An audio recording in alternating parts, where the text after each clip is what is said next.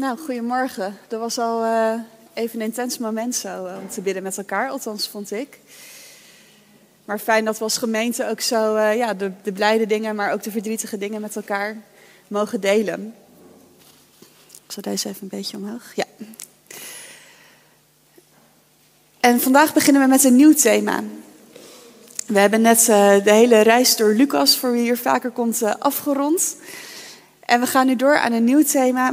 En uh, dat thema dat heet Matters of the Heart. En er is eigenlijk al een heleboel gezegd over ons hart vanochtend.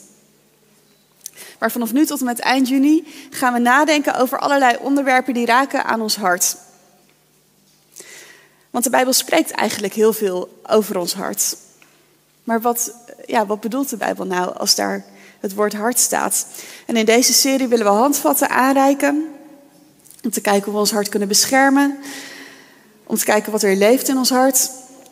Maar ook wat er uit ons hart mag komen. we zullen het hart eerst van een afstandje bekijken. En dan naar binnen kijken. En dan uiteindelijk sluiten we af met te focussen op wat er uit het hart kan voortkomen. En vandaag starten we onze Bijbelse reis over het hart in spreuken. Een heel bekend vers. En we blijven daar niet om jullie alvast voor te bereiden. Ik zei het al tegen Sonja vanochtend toen we even de Bijbelteksten uitwisselen. We gaan eigenlijk ook vandaag kriskras door de hele Bijbel heen. Op zoek naar hoe we het beste met ons hart kunnen omgaan. En ook in de voorbereiding van vandaag was ik er eigenlijk ook wel weer een beetje opnieuw van onder de indruk. Hoe mooi dat boek, wat zo oud is, sommige delen, andere delen nieuwer, maar alles bij elkaar toch behoorlijk oud, hoe mooi het op elkaar aansluit. En er is niet voldoende tijd om door alle kruisverwijzingen heen te gaan. Maar ik hoop wel dat ook door deze serie dat enthousiasme over de Bijbel en, en hoe dat woord nou in, zijn geheel werkt, dat dat ook weer wat aangewakkerd wordt. Dus ik moedig je ook van harte aan om gewoon thuis op onderzoek uit te gaan. Pak er een concordantie bij. Dat is een soort uh, ja, woordenboek met allerlei kruisverwijzingen naar de Bijbel. En dan ga zoeken wat staat er over het hart. En laten we starten vandaag in Spreuken. Spreuken 4, vers 23. Van alles waarover je waakt, waak vooral over je hart. Het is de bron van je leven. Van alles waarover je waakt, waak vooral over je hart. Het is de bron van je leven. En dit zinnetje staat in een breder, uh, breder gedicht, een leerdicht wordt het ook wel genoemd. En dat heet het leerdicht over het zuivere pad. En het is een uh, gedicht waarin de schrijver van spreuken eigenlijk allerlei lichaamsdelen aanhaalt. Dus we lezen vanaf vers 20. Mijn zoon, heb aandacht voor mijn woorden. Geef aan mijn uitspraken gehoor. En houd ze steeds voor ogen. Bewaar ze in het diepste van je hart. Ze zijn als leven voor wie ze aanvaarden. Ze sterken heel het lichaam als een medicijn. Van alles waarover je waakt, waak vooral over je hart. Het is de bron van je leven. Neem nooit leugens in de mond. Laat geen bedrog over je lippen komen. Je moet elk mens recht in de ogen kunnen zien. Nooit je ogen hoeven neerslaan. Weet welke weg je wil inslaan dan loop je met vaste tred. Wijk niet af naar rechts, wijk niet af naar links. Wijk alleen uit voor het kwaad.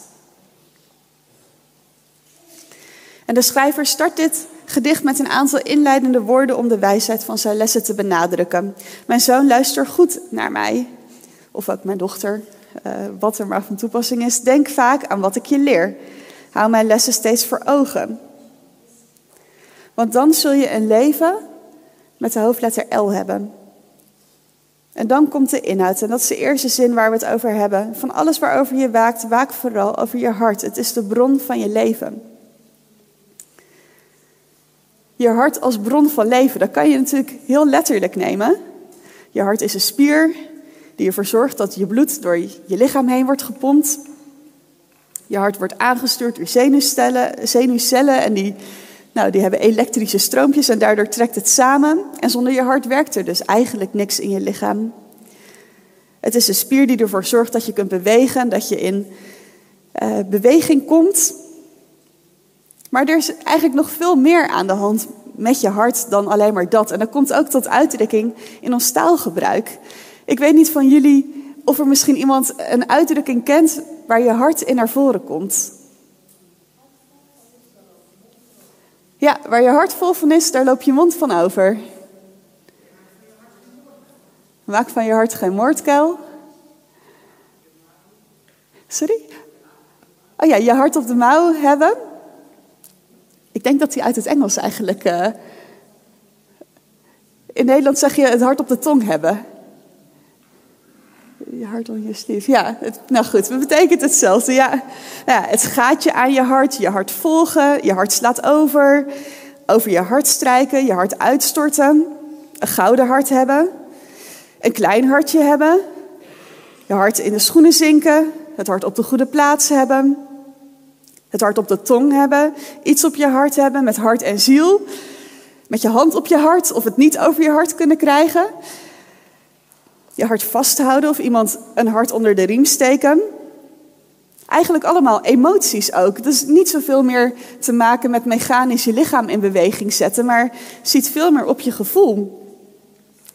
En wanneer we denken ook aan ons hart op die manier, ja, dan moet ik ook direct denken aan liefde. En het hart is daar natuurlijk het symbool van. Je hart kan overslaan, het kan sneller gaan kloppen. Wanneer er iemand in de buurt is die je misschien wel leuk vindt. En dan is er natuurlijk ook weer de keerzijde daarvan. Je hart kan breken.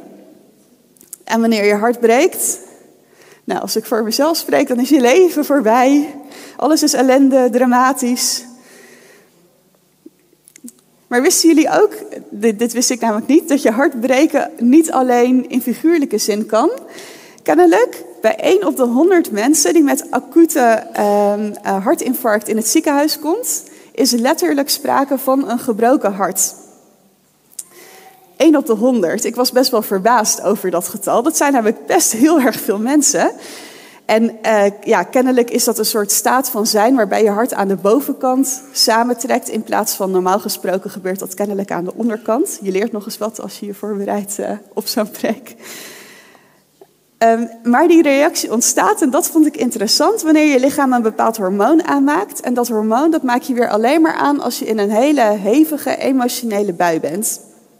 Dus zeer emotionele staat. En dat hormoon maakt je lichaam eigenlijk klaar voor vecht- of een vluchtreactie. Nou, dat is denk ik wel iets wat we allemaal kennen. En er zijn ook eigenlijk geen medicijnen om zo'n gebroken hart te helen. Dat moet dan weer met therapie, waardoor je eigenlijk weer op je emoties inspeelt.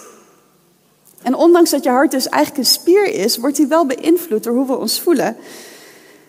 En dat is wellicht weer waarom ons hart eigenlijk voor zoveel meer staat als we, het, als we met elkaar spreken over het hart dan alleen maar die spier. En als ik dan weer terugdenk aan wat de schrijver uh, schreef in spreuken, dan zal die misschien ook wel aan beide elementen gedacht hebben.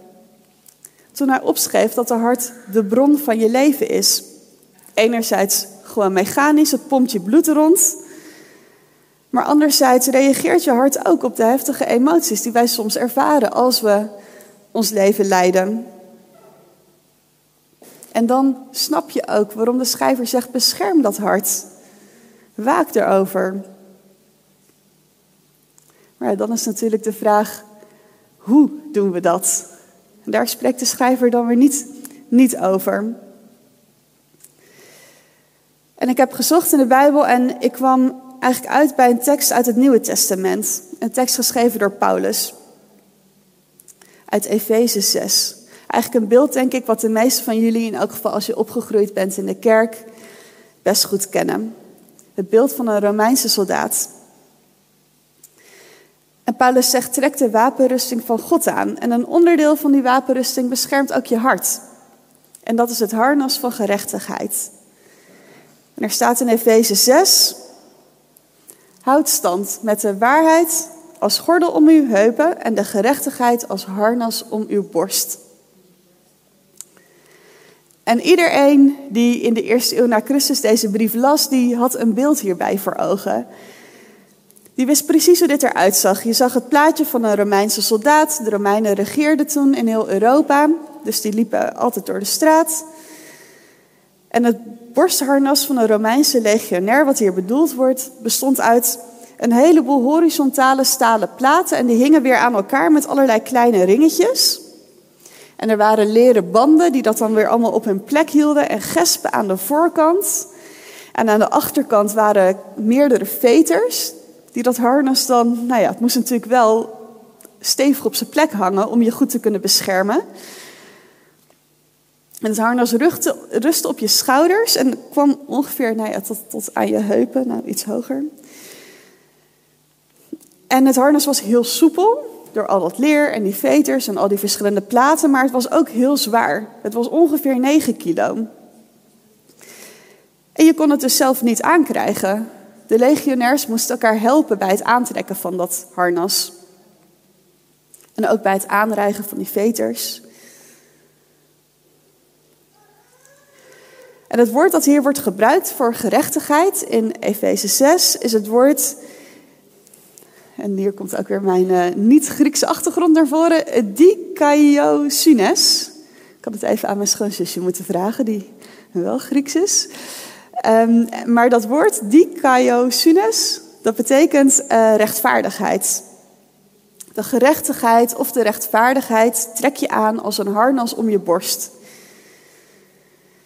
Maar dit blijft nog steeds voor ons wel een behoorlijk abstract plaatje, want hoe, hoe doe je dat dan?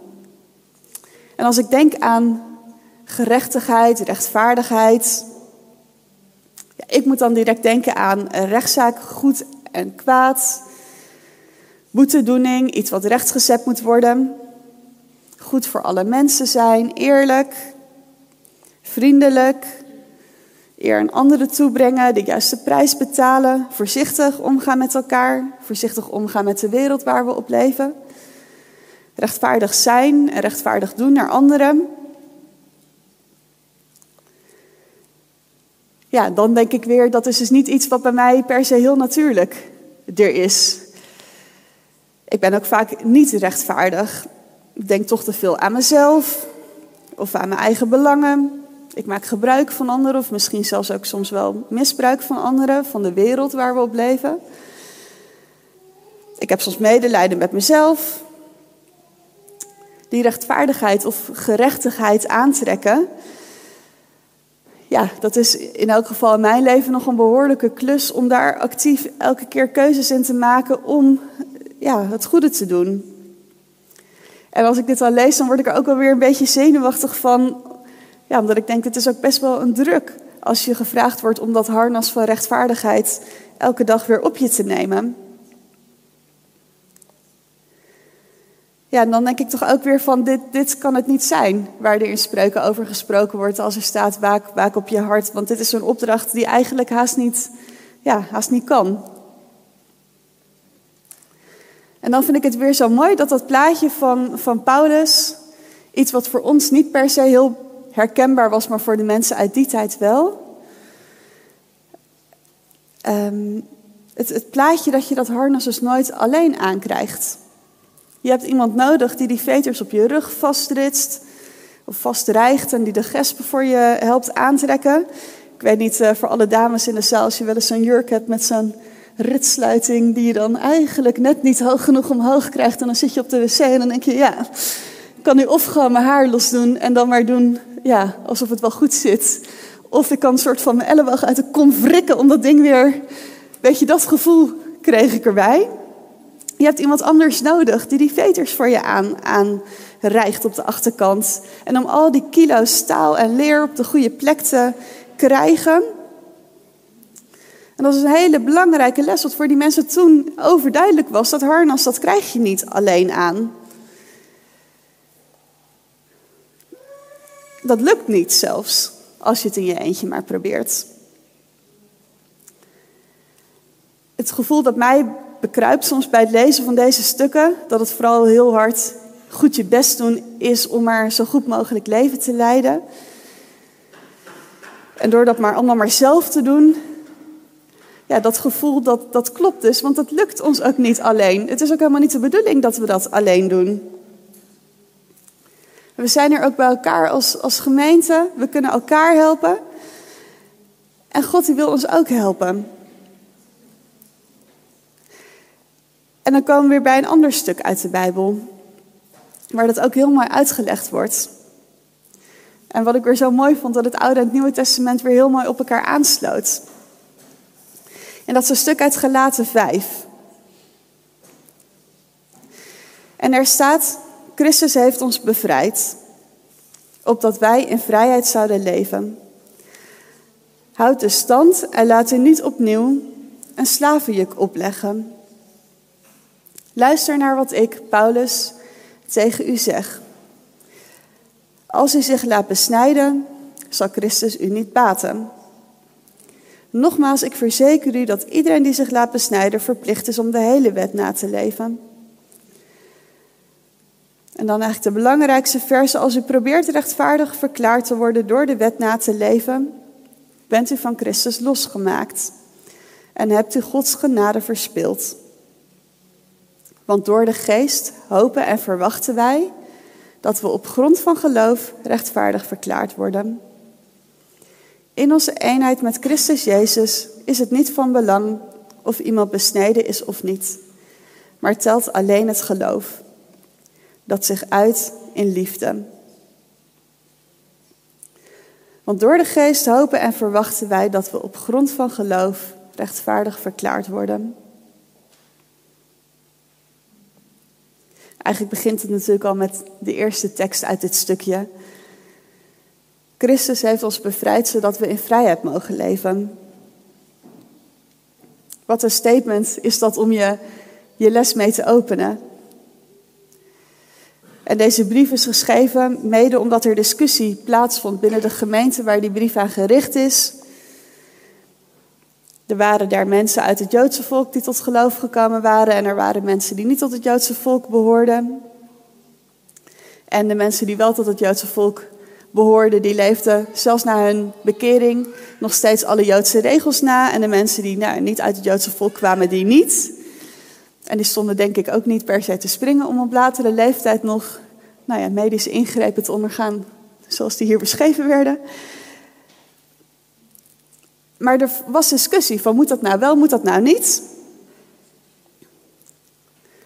En ja, waarom? Paulus weet er eigenlijk haar fijn aan te wijzen wat de achtergrond van die discussie was. De Joodse gelovigen hadden het eigenlijk nog niet zo goed begrepen. Ze hadden eigenlijk nog niet helemaal door waar het christelijk geloof nou echt om ziet. En dat is niet om maar zo goed mogelijk alle regeltjes te volgen.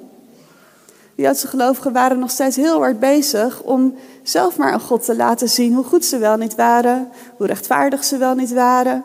Er zijn ook allerlei regels uit de Joodse wet die te maken hebben met het weggeven van, van je geld en uh, het tonen van uh, uh, genade aan mensen die dat minder hebben. Volgens mij heeft Gilbert er zelfs een paar weken geleden nog over gesproken. Dat als je de oogst binnenhaalde, dat je dan niet alle randjes, ook allemaal, alles wat je liet vallen, dat moest je laten liggen. Zodat mensen die het minder hadden, dat op konden rapen. Op zich allemaal hele goede, mooie, eerlijke dingen. Als ik denk aan rechtvaardig, dan horen dit soort dingen daar wel een beetje bij. Alleen ja, de, de Joodse gelovigen die trokken dat hier een stukje verder. Want die wilden aan God laten zien hoe goed ze wel niet bezig waren. Op eigen kracht al die regeltjes maar navolgen. Op eigen kracht rechtvaardig verklaard te worden, zoals Paulus het hier ook schrijft. En dat is nou eigenlijk wat we vorige week met elkaar bij stil hebben gestaan. Op Goede Vrijdag. Eigenlijk precies wat er niet meer hoeft. De Goede Vrijdag, die eigenlijk de feestdag is, zoals we daar ook bij stilgestaan hebben op Goede Vrijdag. Het, was, het goede werk is daar al volbracht. En alle dingen, alle lelijke dingen, alle dingen die niet rechtvaardig zijn in ons leven, die zijn er al aan het kruis gedragen. En dat is wat er nog telt in ons leven. Daar mogen we in geloven.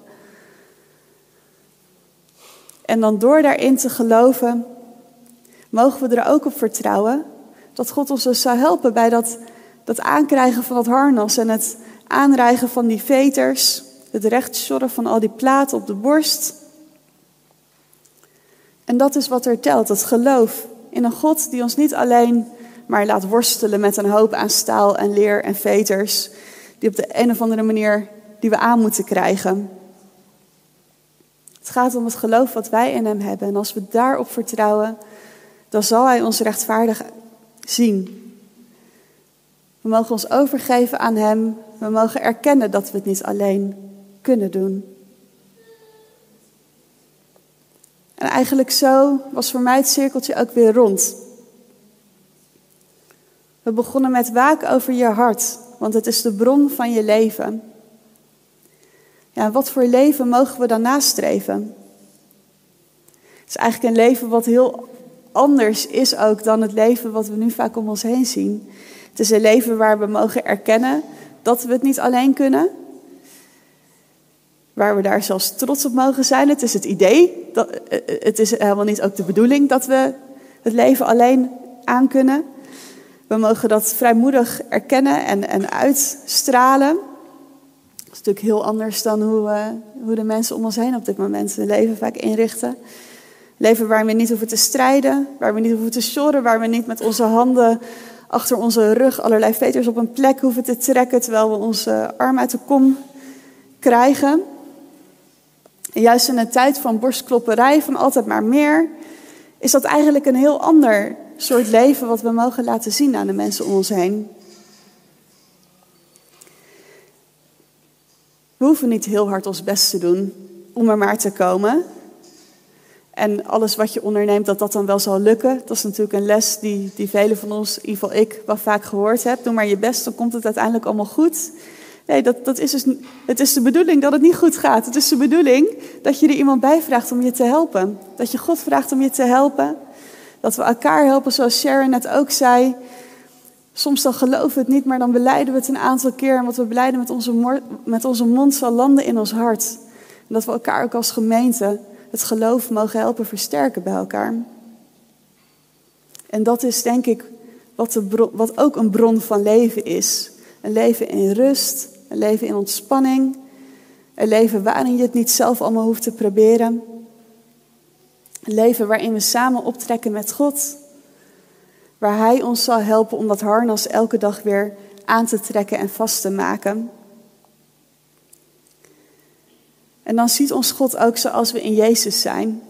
Hij ziet ons schoon, hij ziet ons mooi, hij ziet ons zoals we bedoeld zijn. Rechtvaardig. En dan hoef je je nooit onbeschermd te voelen.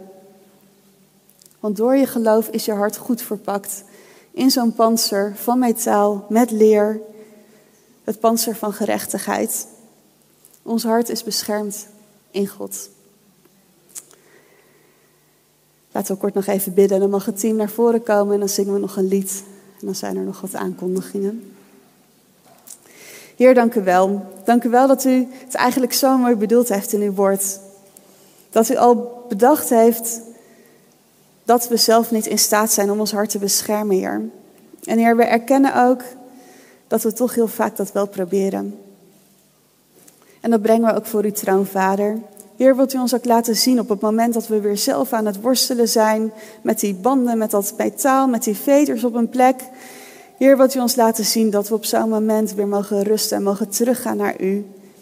Heer, omdat u zo graag ons wilt helpen. U staat klaar om ons te helpen met het aantrekken van dat panzer, zodat ons hart goed beschermd is, Heer.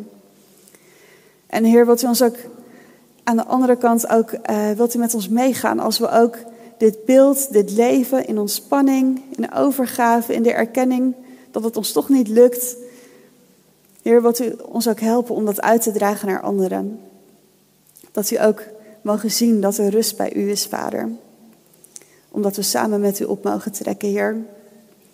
Heer, we geven ons leven zo weer terug in uw hand. Als we het weer tot onszelf hebben genomen. En Vader, we vertrouwen erop dat u ons helpt. En dat dat de bedoeling is, Heer. In Jezus' naam alleen. Amen. Ik hoop dat je iets hebt gehad aan de podcast. En als dat zo is, dan kan je ons helpen door je te abonneren, het te liken of een review achter te laten als je via iTunes luistert. Want zo kunnen nog meer mensen onze podcast vinden. En als je wilt, dan kan je ons ook ondersteunen door te gaan naar reconnect.cc slash geven. En dan kan je jouw gift geven, zodat we nog meer mensen kunnen bereiken. Wat je ook doet, hartelijk dank en nogmaals dank dat je wilde luisteren naar de Reconnect Community Church podcast.